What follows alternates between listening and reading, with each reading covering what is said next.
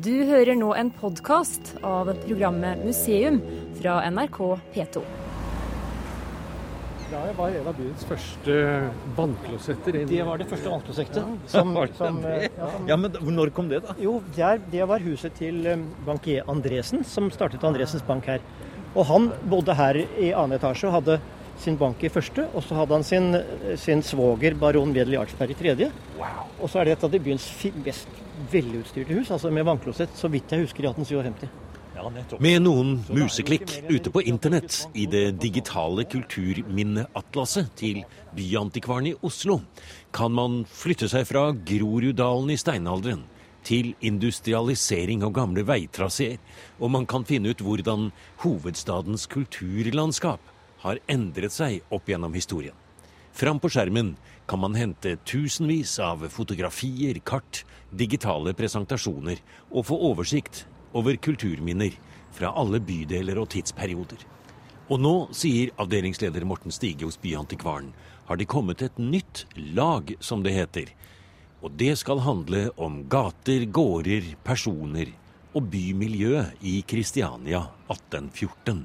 For Den historien vi ønsker å fortelle, det er historien om opptakten til 17. mai 1814, kan man si, og det som skjedde etterpå. Da kong Christian Fredrik kommer inn i byen 22. mai, og de knappe tre månedene da vi er en slags revolusjonsstat mot Kiel-freden, mot det stormakten har blitt enige om, til eh, Mossekonvensjonen setter en slutt for det hele i august, og, og svenskene kommer inn, og, og det er slutt på denne frihets, uh, frihetsdrømmen.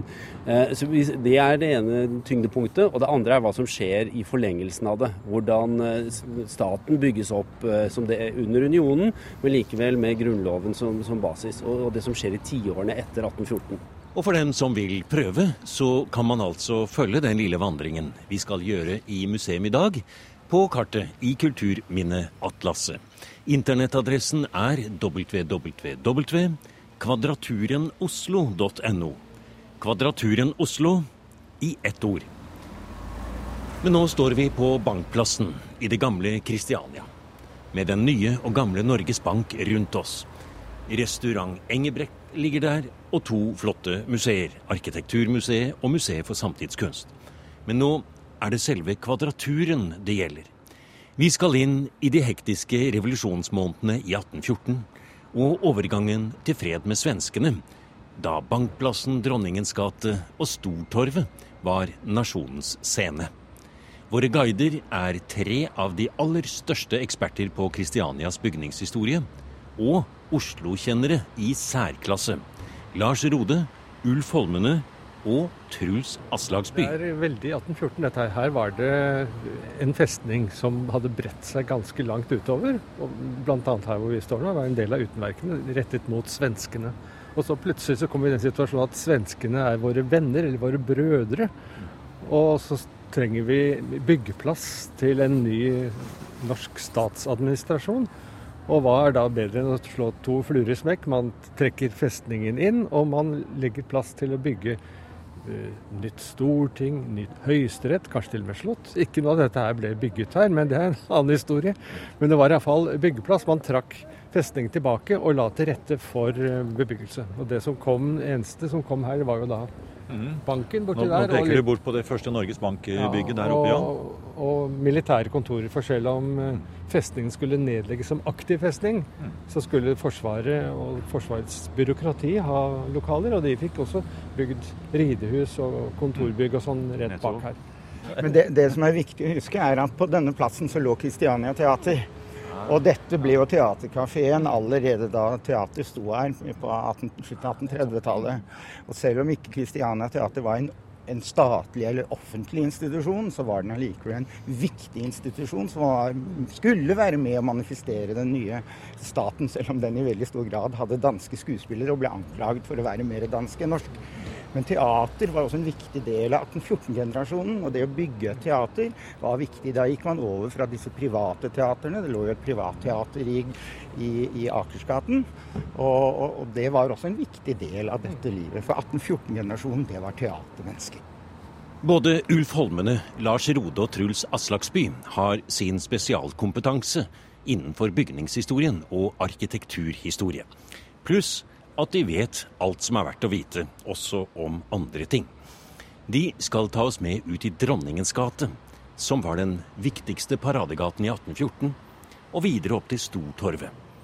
På veien dit går vi forbi flere av de viktige adressene fra denne tiden, og hvor noen av de store begivenhetene i 1814 fant sted. Mye er jo forsvunnet, revet, brent, ombygd, og vi spør Lars Rode om det egentlig er noe særlig igjen av murhus og bindingsverk fra 1600- og 1700-tallet. Kanskje det ikke er så mye fra 1800-tallet heller? Det er et meget godt spørsmål, og helt riktig så er det faktisk ikke et eneste bindingsverkshus igjen innenfor det vi kan kalle Kvadraturen. Du må litt utenfor for å finne dem. Men det er rester i form av tilbygg og svalganger og, og, og, sånn, og, ting som er blitt skjult bak mur og puss. Men du ser ikke bindingsverk i denne byen, av de 50% som var der. Og det er fordi vi fikk den gigantiske byfornyelsen som skjedde etter 1814. Først med et statsbyråkrati som skulle bygges opp, og så med industrialiseringen. Og da ble det jo et, en, en, voldsom folkevekst, og hva skjer da? Et, en stigning i eiendomsprisene, en press på sentrum, som gjør at den gamle bebyggelsen i én og to etasjer må vike. Og da kunne man gjøre en ting. Man kunne bygge på murhusene. Men man kunne ikke bygge på bindingsverkshusene. De måtte bare falle. Eller tømmerhusene. Og da ser vi her hvor vi står. Nå peker du oppover gata her, ja. uh, som vi aner litt av på, i tre etasjer, det er et 1600-tallshus som da kunne bygges på og bli et 1800-tallshus. Så bak den murpussen og den skal vi si, ytre fasaden vi ser der, ja. så er det et 1600-tallshus? Altså? Det, det, er det, og du kjenner igjen på det du ikke ser herfra, nemlig karnappet som stikker ut, som ville vært strengt ulovlig på 1800-tallet. Holmene, hvis vi skulle tenke oss at vi skulle forsøke å finne et hus et sted hvor Karl Johan kanskje kunne ha satt sine eh, ben, sine velfriserte ben. Fins det noen sånne hus her? Ja da, det fins noen igjen. Og det er jo noen murhus. Og et, flere av de finnes jo nettopp i Dronningens gate, sånn som Krigsskolen f.eks. Som nok er en av de bygningene som Karl Johan ville kjenne godt igjen ja. i forhold til hvordan det var i 1814. Skal vi prøve, skal vi prøve å gå bort hit? Ja. Skal vi gå bortover den veien? Er det en idé? Ja, da bare følger jeg etter dere. Og nå kommer vi jo ut, som du også sier, i en veldig trafikkert gate. Nå skal vi nedover nesten over her, og nå ble det grønn mann her. Vi går bort i retning Vi går nå sydover i Rådhusgata. Og til venstre for oss er det en rosa bygning med eh, noe jeg har på å si smijernskrift eh, på, nær sagt myntmester Peter Gryners gård, som er en av de få 1600-tallsgårdene som står igjen. Ikke så mye ombygget, men Og Det morsomme er jo at denne bygningen er en av de første bygninger her i Kristiania som får et offentlig karakter og preg. ved at altså Stattholder Gyldenløve flytter fra Akershus festning. Der blir det for goldt og ubehagelig å bo. Så han flytter faktisk hit allerede i, i 1660-årene og slår seg til her som norske stattholder. Og sånn sett så kan vi si at det er Som leieboer. Som leieboer, ja. ja. Så dette er da, Rode, en av de bygningene som faktisk har overlevd, kan man si da? Ja, og det har jo skjedd med mm, bare de litt større og finere gårdene, og svært ofte de som har vært i offentlig eie, som, hvor det ikke har vært noe sånn pengeinntjeningsbehov som, som en privat gårdeier ville hatt. Eh, det er grunnen til at vi har en, en god håndfull av 1600-tallsgårdene tilbake. Men mens vi står her, burde vi jo nevne byens aller fineste palé ved siden av, av, familien Ankers, nemlig Morten Løks store hus her i, på hjørnet av eh, Rådhusgaten og Prinsens gate, er det vel? Hvor hvor stattholdere bodde i unionstiden, hvor viktige ting skjedde i 1814, og hvor senere statsministerbolig, og som vi klarte å rive omtrent ved jubileet for 1814. Ja, for det står jo 1916 på den uh, teglstensgården som vi ser på der. Utrolig hvor flinke vi var til å rive, ja. ting i den tiden der. Ja, det er noe vi har vært flinke til i Norge, Holmene. For det er ikke mange hus i hele Norge som er eldre enn 100 år. Nei, vi ser jo Hvis vi skal skrive historie om 1814 og Kristiania, så er det jo mange av de bygningene som var viktige i 1814, som er borte. Og f.eks. der Stortinget holdt til, er jo borte. Katedralskolen, ja. ja. Og Den kongelige palé er jo da borte, siden det brant og det ikke ble gjenoppbygd eller reddet da under krigen. Så mange av de aller viktigste bygningene er jo tatt. Datidshus var, var alltid malt, også murhusene. Man likte ikke den der litt skjoldete farven på mur, mur, murstenen. Så man malte alltid murhusene, og de ble malt som regel røde med hvite fuger, eller i striper av gult og rødt.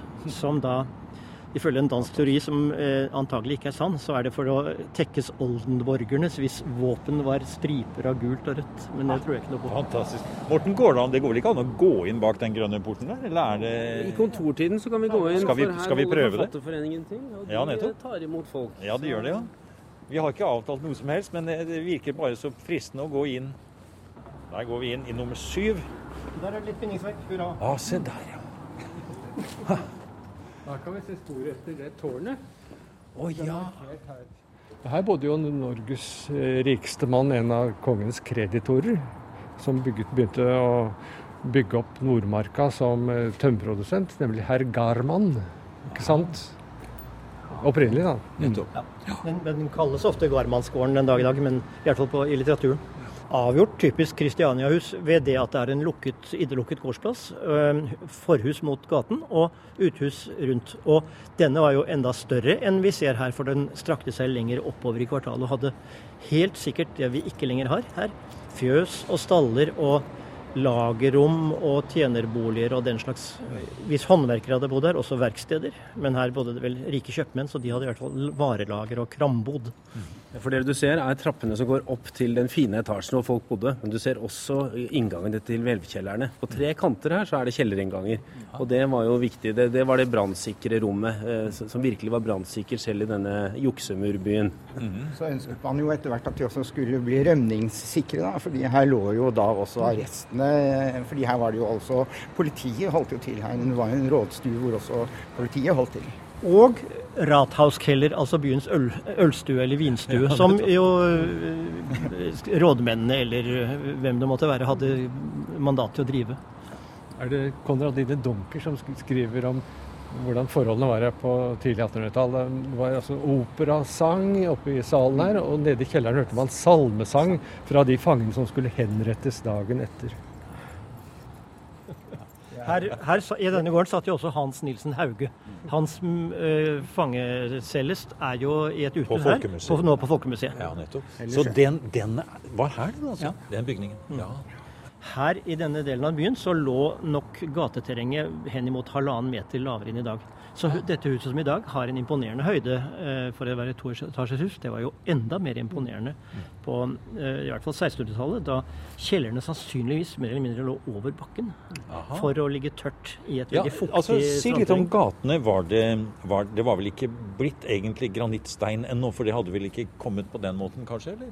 Nei, det var det nok ikke. Det var vel mm, stort sett sølete gater. Og denne gaten ytterst mot sjøen, altså Dronningens gate hvor vi er omtrent nå, den var jo gammel gammelt strandgrudd og antagelig mer eller mindre under vann i 1624. Men det var ikke si, fortauene, det var vel sånn boardwalk, holdt jeg på å si. De var vel trebelagt, kanskje? eller? Det kan de ha vært derfor vi har ordet brolegning, ikke sant? Ja. For det er jo opprinnelig en tre, broaktig tre over i all gjørma. Ja, nettopp.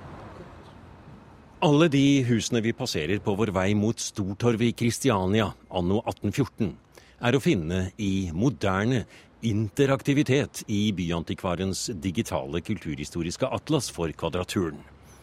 Men vi har også med oss det nye praktverket av en bok på mer enn 500 sider, som nettopp er utgitt i regi av Riksantikvaren. De kom fra alle kanter. Eidsvollsmennene og deres hus heter den. Det er en fascinerende historisk reise over hele landet, hvor mange forskjellige forfattere har vært med på å spore opp og beskrive hvor de 112 eidsvollsmennene bodde. Og 111 av husene er funnet, i hvert fall hvor de opprinnelig sto. Og til sammen gir denne boken et flott kulturhistorisk lengdesnitt, et tidsbilde fra nord til syd i Norge 1814. Men nå er vi i Kristiania, og vi går i Dronningens gate, som en gang var både strandgate og byens fineste strøk. Og ganske riktig, her bodde flere av hovedpersonene fra 1814. Og, og dette er jo på en måte Det er jo regjeringsgaten i 1814, 15, 16 fremover. Ja, ja. Hvor, hvor, hvor jo der som posthuset ligger med tårnet, der kom, var jo katedralskolen allerede fra 1719. Og der, eh, den benyttet man jo som det første storting. Det overordentlige storting på høsten 1814 var de første som flyttet inn. Og senere så fikk, ble jo dette regjerings... Eller altså departementsgårder. Både den, den, bygningen som huset katedralskolen, men også uh, huset ved siden av, Generalitetsgården, som jo var kjøpt inn for å huse generalen, den øverstkommanderende, på 1700-tallet. Uh, og i denne bygningen, som jo Riks, Riksantikvaren holder til, ja. det var privatboligen til Markus Jø Rosenkrantz, som jo var en av statsrådene i 1814. Og noen av forhandlingene og statsrådene foregikk sannsynligvis også her. I 1830 så ble det jo en av Kristianias viktige hoteller, Hotell du Nord. Og, og, her var det også mange av stortingsrepresentantene som holdt til når det var storting i naboen. For det var jo lett, rett ved siden av, ja. Nå går vi inn i Dronningens gate 11 anno 1814. Stedet der Georg Sverdrup bodde. Han var en av de virkelig toneangivende både på notabelmøtet og under riksforsamlingen på Eidsvoll. Georg Sverdrup er også kjent som grunnleggeren av Universitetsbiblioteket.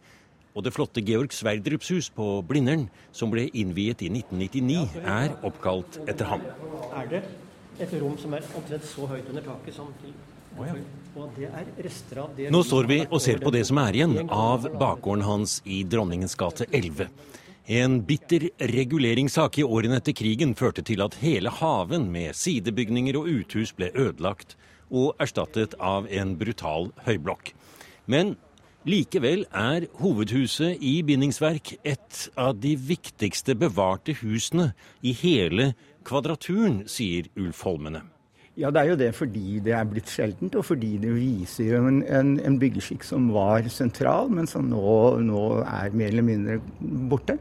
Så dette er jo et av, et av byens viktigste hus eh, som, et kulturminne, absolutt. Det morsomme er jo at eh, vi visste jo ikke at Georg Sverdrup, en av eidsvollsmennene, bodde her. Så da Riksantikvaren skulle skrive denne boken om hvor eidsvollsmennene bodde hen, så, så var det først da vi fikk, faktisk fikk vite at han bodde i dette huset. Det er jo morsomt da at han bodde i det som nå er Fortidsminneforeningens uh, ja. hovedsete.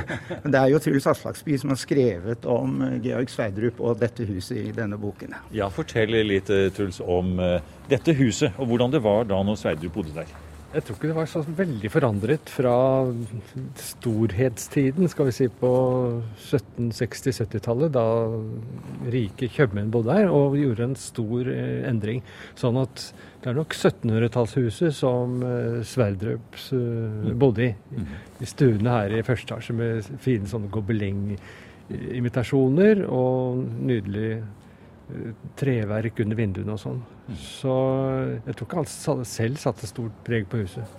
Han bodde til leie, slik de fleste embetsmenn eh, gjorde, som hadde fast lønn og ikke hadde noe stor kapital. Og så, så, så, så hjalp det frem til å gjøre Kristiania til en leiegårdsby, hvilket det ble for alvor etter 1850? Jeg tror nok at uh, da, altså nå snakker vi om 1820-30, så hadde man ikke kunnet forestille seg industrialiseringen med den enorme byveksten som kom på slutten av 1800-tallet, og som jo krever et areal som de ikke kunne forestille seg i det hele tatt. Sånn at når vi snakker om denne generasjonen, så har de en helt annen forståelse av fremtiden enn den som faktisk kom. Det som er lykkelig når, når Oslos folketall eksploderer med industrialiseringen, eh, det er jo at vi har ekspansjonsgrunn. Sånn at Kvadraturen på mange måter blir spart. Den blir eh, gradvis konvertert til en slags city. Forretningsby siste tiårene av 1800-tallet, inn på 1900-tallet så etableres det banker, sjøfartsbygningen, handel. altså Sånne ting etableres her. Eh, men strukturen blir intakt. Og så skjer byveksten andre steder. Du nevnte tidligere Morten, dette med at vi var en revolusjonsstat i tre-fire måneder. Noe av disse revolusjonstankene vil antagelig ha foregått i denne bygningen, da vil jeg tro. Ja, her er vi virkelig hvor man kan tenke seg til det, det gatebildet, den pulsen som har vært i byen i, i, disse månedene. Og hvor menneskene må ha gått og vært veldig spente på, veldig, veldig forventningsfulle og glad og spente og redde på samme tid. Men det er klart at i disse gatene og i disse byene så var det som, som, som du sier, det var opprørsstemning. Og det så vi jo også i, på, på høsten, hvor det jo var altså folkeoppløp, og hvor de jo angrep bl.a. Hakshausens privathjem i Rådhusgaten med, med vindusknusing og trusler. Altså, Han var jo øverstkommanderende for de militære styrker? han fikk ansvaret for at det hadde gått dårlig. Så det var jo opprør også fysisk sett ved, ved, ved, ved gateopptøyer. Ja, hvor bodde Hagsthausen da? Han bodde i Rådhusgaten 19. Så der var det Han var riktignok ikke til stede. Og på Lille Frogner, landstedet, også der ble alle vinduene knust. Så han måtte søke tilflukt på Gran prestegård hos en venn som var prest der. Ja, da snakker vi virkelig revolusjonsbyen. Altså. Og da var det stenkasting. og Det var en av de gode historiene som kom frem da vi jobbet med Atlaset. Stenkasting hvor studentene kastet sten med lapper med latinske innskrifter på. Hvem av dere var det som fortalte det? Det var jeg. og Jeg har prøvd å finne kilden for det der, og det er eh, Jeg tror ikke jeg har funnet på selv, altså. Det finnes mye spekulasjoner om, om, hvem som var med på dette. Men universitetet hadde jo akkurat åpnet. De første var immatrikulert i 1813. Så det var de første studentene som sannsynligvis lå litt bak her. Og en annen som, som, man spekulerer hadde noe med dette å gjøre, det var Nils Wulfsberg, som da var redaktør for Tiden, som var det sentrale avisen i Kristiania, som også ble brukt av Christian Fredrik inn i, i, i, denne propagandaen. Så det er også noen som hevder at han lå bak dette opprøret. Senere ble han en av Karl Johans gode medarbeidere her i Kristiania, og dro også senere til Stockholm. Og bodde i nabohuset tvers over gaten. Vi startet på Bankplassen, og vi skal avslutte oppe på Stortorvet i denne lille vandringen gjennom Kvadraturen og Kristianias 1814-historie. Det er så mange historier som skulle ha vært med her, ikke minst krigsskolen og paleet, selve kongeboligen både for Christian Fredrik og senere for Karl Johan. Dessverre ødelagt av brann under krigen og aldri gjenoppbygd. Men kanskje var det utendørsanlegget som var det viktigste den store paléhaven som strakte seg ned mot fjorden, omtrent der plata ved Oslo S er i dag, sier Ulf Holmene. Paléhagen var den, den, offentlige stedet i Kristiania hvor man samles til viktige begivenheter. Sammen med, med Stortorven så var det Paléhagen. Så 22. mai 1814, da Kristian Fredrik kommer fra Eidsvoll, blitt ny konge, så er det jo en gedigen folkefest i Paléhagen. Med illuminasjon, altså med lys, med fyrverkeri og salutter fra båter på Bjørvika osv. Og, så og med servering av ganske mye alkohol. Så det var nok en meget livat uh, affære det, den gang. Og det fortsatte for så vidt også Karl Johan. Og han omformer jo for så vidt også Hagen, og får jo arkitekt Løser til å bygge en, en ny bygning i Hagen med en festsal. Så han fortsetter jo dette. Kanskje gå litt inn i ja, hagen? det kan vi gjøre. Da er vi jo på et av de mest eh, si, pulserende og eh, si, historiske stedene i Nye Oslo, på Stortorvet.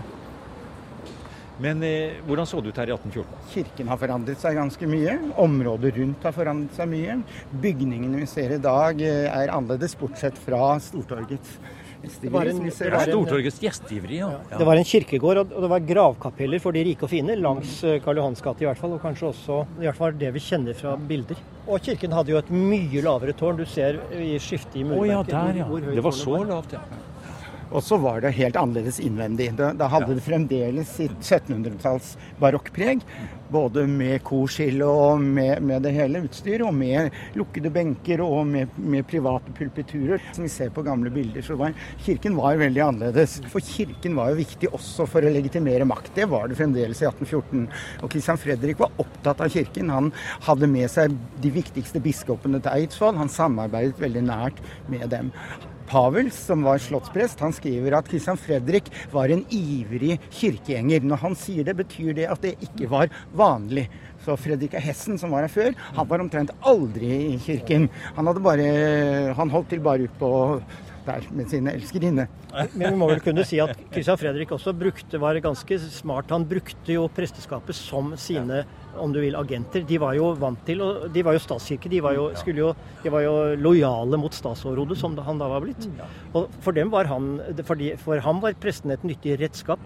Og vi ser jo i den 22. mai 1814, da han er blitt konge, kommer til Kristiania. Den første han gjør, det er ikke å dra på paleet. Det er å komme hit, til Stortorvet, inspisere de militære som sto opp. Det var veld, veldig viktig. Og så gå inn i kirken. Og, og delta i gudstjenesten hvor han holder en, en, en tale sammen med biskop eh, Beck. Og den talen skaper faktisk jubel, så, så, man skriver, jeg tror det er Paul som skriver det, at det blir ropt hurra i kirken. Og jeg tror det er den eneste gang det er blitt ropt hurra i denne kirken, i hvert fall på 1800-tallet.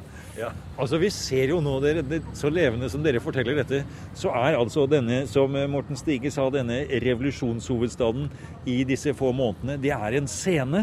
Eh, de husene som dere har fortalt om, det er på en måte kulissene da til det som eh, er de dramatiske dagene. Og kanskje den viktigste av alle scenene er her på Stortorvet.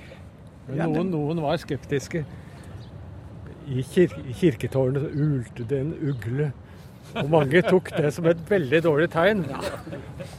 Og den triumfporten som var reist fram, den raste, den blåste det, det, natten etter og sånn. Og det var jo Hva sa jeg? ikke sant? Dette går aldri bra. Nei, det tror ikke jeg heller. Og, så videre. Og det gjorde det jo for så vidt ikke heller. Så det... Ikke på kort sikt, men dette er jo et godt eksempel på at det som gikk dårlig på kort sikt. Det, det var det som skulle til for at det skulle gå bra, på lang sikt. Og økonomisk så var vi jo helt på knærne i 1814. Det var slutt på napoleonskrigene og trelandshandelen var nede. Altså det var så, sto så dårlig til. Det løft i en, i et slags handelsaristokrati som vi hadde fått på slutten av 1700-tallet, det var ganske, ganske kjørt. Så hvor traurig dette her hadde blitt om vi ikke hadde hatt flagget og riksvåpenet og grunnloven til å løfte oss gjennom begynnelsen av 1800-tallet, før industrialiseringen kom. Ja. Ja, det, det hadde blitt virkelig en om ikke 400-årsnatt, så en lang natt før det hadde lysnet for Norge igjen. Du har nå hørt en podkast av programmet Museum fra NRK P2. Send gjerne en e-post til museum krøllalfa nrk.no.